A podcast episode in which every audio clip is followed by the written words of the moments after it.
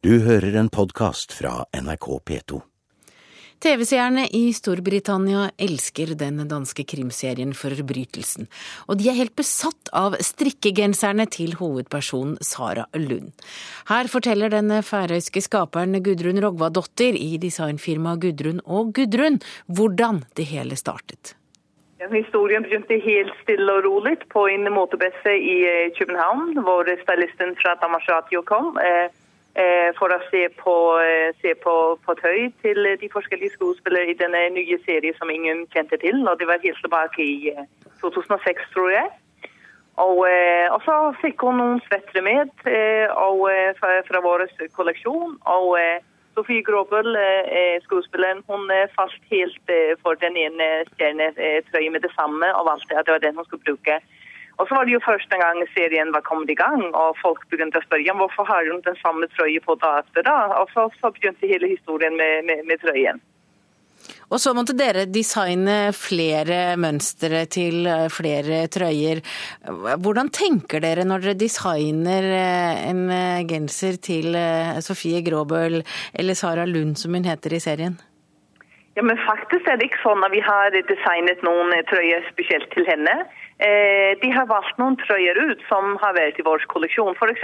stjernetrøyen der. Den har vært i vår kolleksjon i, i to, eh, i to eh, sesonger allerede. og Den, solgt, den solgte mye godt i Japan, den solgte mye på Færøyene. Og, og, vi har sett Helena Christensen i, i New York alt før forbrytelsen begynte. så det var bare en riktig god trøye, og det var derfor hun, hun har valgt den. Og også de andre trøyene hun har valgt her senere i hennes er noen hun har valgt ut fra vår kolleksjon. Men nå frykter dere jo at det kopieres på nettet, og at det settes i gang eh, produksjon av deres trøyer som ikke dere har kontroll over. Eh, hvor langt har det kommet?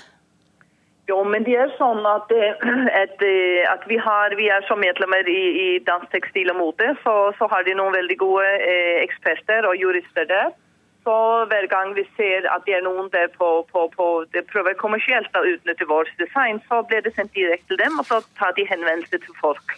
Og Der er det viktig for oss at, å se på forskjellene mellom hva din bestemor strikker inn trøye til sitt barnebarn. Eh, det er det vi har eh, noe imot på noen måte. Men eh, det er selvfølgelig ikke andre der handelsmessig skal dra fordel av et design som vi har retten til. Og det sa Gudrun Rogvadottir fra Torshavn på Færøyene. Og Lilly Cecilie Brandal, du er over normalt strikkeinteressert. Du er daglig leder i en butikk som selger garn og strikkemønstre. Nå må du forklare, hva er det med Sara Lunds genser? Det er en genser som folk kjenner seg veldig igjen i. Det er en veldig sånn folkelig genser. En genser som er bygd på tradisjoner som folk har sett. Og det er plutselig riktig tid for at en sånn genser skal være fange oppmerksomheten igjen. Den er inne i en periode der det er veldig mye fokus på strikking og gensere, og tradisjon. Så jeg tror det er veldig, veldig mange faktorer som gjør at plutselig den genseren der fanger oppmerksomheten. Men det er jo litt spesielt å gå rundt med en sånn tjukk strikkegenser òg, i en sånn forbrytelsesserie. ja, for det er jo egentlig ikke noe spesielt med den. Den ligner jo på veldig mange andre strikka gensere og gensere inspirert Den her er vel inspirert fra Færøyene, men du kjenner jo veldig igjen eh, islandske gensere? Ja, den er som sagt en, et tverrsnitt av veldig mye, da. Ehm, for det første så er det veldig inn å begynne å strikke sånn raglanfelling, som det heter, som også den genseren har. Og den er litt tjukk, eh, litt løs strikka, trenger ikke være så veldig pent strikka. Eh, den ser litt sånn småsjuskete ut, egentlig. Og så minner den litt om fanakofta, eller fana-rosa på fanagenseren. Så det er veldig mange faktorer som gjør at folk tenker at Og den er enkelt bygd opp. Så gjør at de tør å kaste seg ut i genseren. Og det setter du pris på? Veldig. For det er noe jeg har bare blitt strikkefeber. Og det her er en av grunnene til at også en av grunnene til at det har blitt veldig fokus på strikta. Men du sier at uh, interessen for forbrytelsen og genseren er ikke like stor, eller for forbrytelsesgenseren er ikke like stor i år som den var i fjor? Nei, ja, det var mye mer snakk om i fjor, uh, når den første serien gikk. Eller om det var serie to, eller om det var serie én. Da fulgte jeg ikke med. I år har jeg begynt å følge med sjøl, så nå vet jeg litt mer hva det går ut på.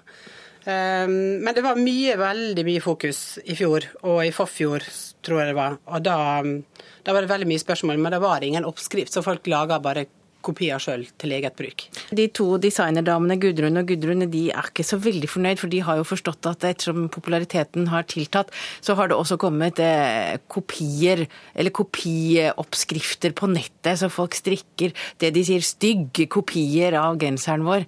Men det er jo ikke lett å ikke bli kopiert når du lager strikkemønstre. Ja, jeg skjønner ikke helt grunnen til at det trenger å være så veldig mm, forbudt å kopiere den. Eh, det er jo bare en positiv eh, greie at folk vil strikke, men eh, det er vel det at de går glipp av salg. Det er jo det som gjør det, da. Så, men alle og enhver må gjerne kopiere genseren, og den ligger jo ute som oppskrift, iallfall tilnærmet lik oppskrift. da. Gratis på nettet, så det er jo bare å søke opp. Så. Men som sagt, til eget bruk så er det lov å kopiere. Men dette er jo Sara Lund-genseren. Kan du eh, huske andre gensere eller strikketøy som eh, har blitt populære i form av TV-serier eller ting som har skjedd på film? Ja, nå i år så er det virkelig sånn eh, feber på forbrytelsegenseren, som sagt. Du har Dorte Skappel-genseren, som er veldig omtalt.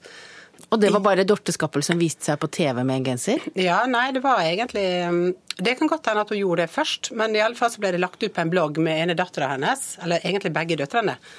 Og så spredde det seg til ungdommen, og så begynte folk å komme inn i butikken og spørre om Vi hadde hørt om genseren, og så var det lagt ut en uh, oppskrift på nettet som var tilgjengelig for alle, så det var bare å strikke.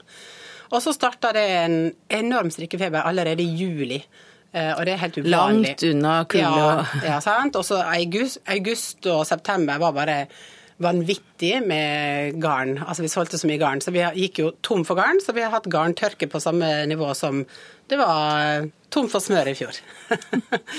så, eh, det, men det, det, som er det positive, er at det, det har starta en ny giv for de unge. De tør å strikke tør å sette i gang. Men en ting jeg tenker på, I denne data- og mobiltelefonens tidsalder hvor alle er så rastløse, mm. har folk tid til å sitte i timevis og holde begge hendene opptatt i et strikketøy? Tydeligvis. Jeg tror det her er egentlig veldig positivt. Det, at eh, kanskje folk kan slippe litt tak i det der eh, TV-skjermen og PC-skjermen og telefonen og blogger og alt gud måtte være. Og så ta ta tak i strikkepinnene sitte.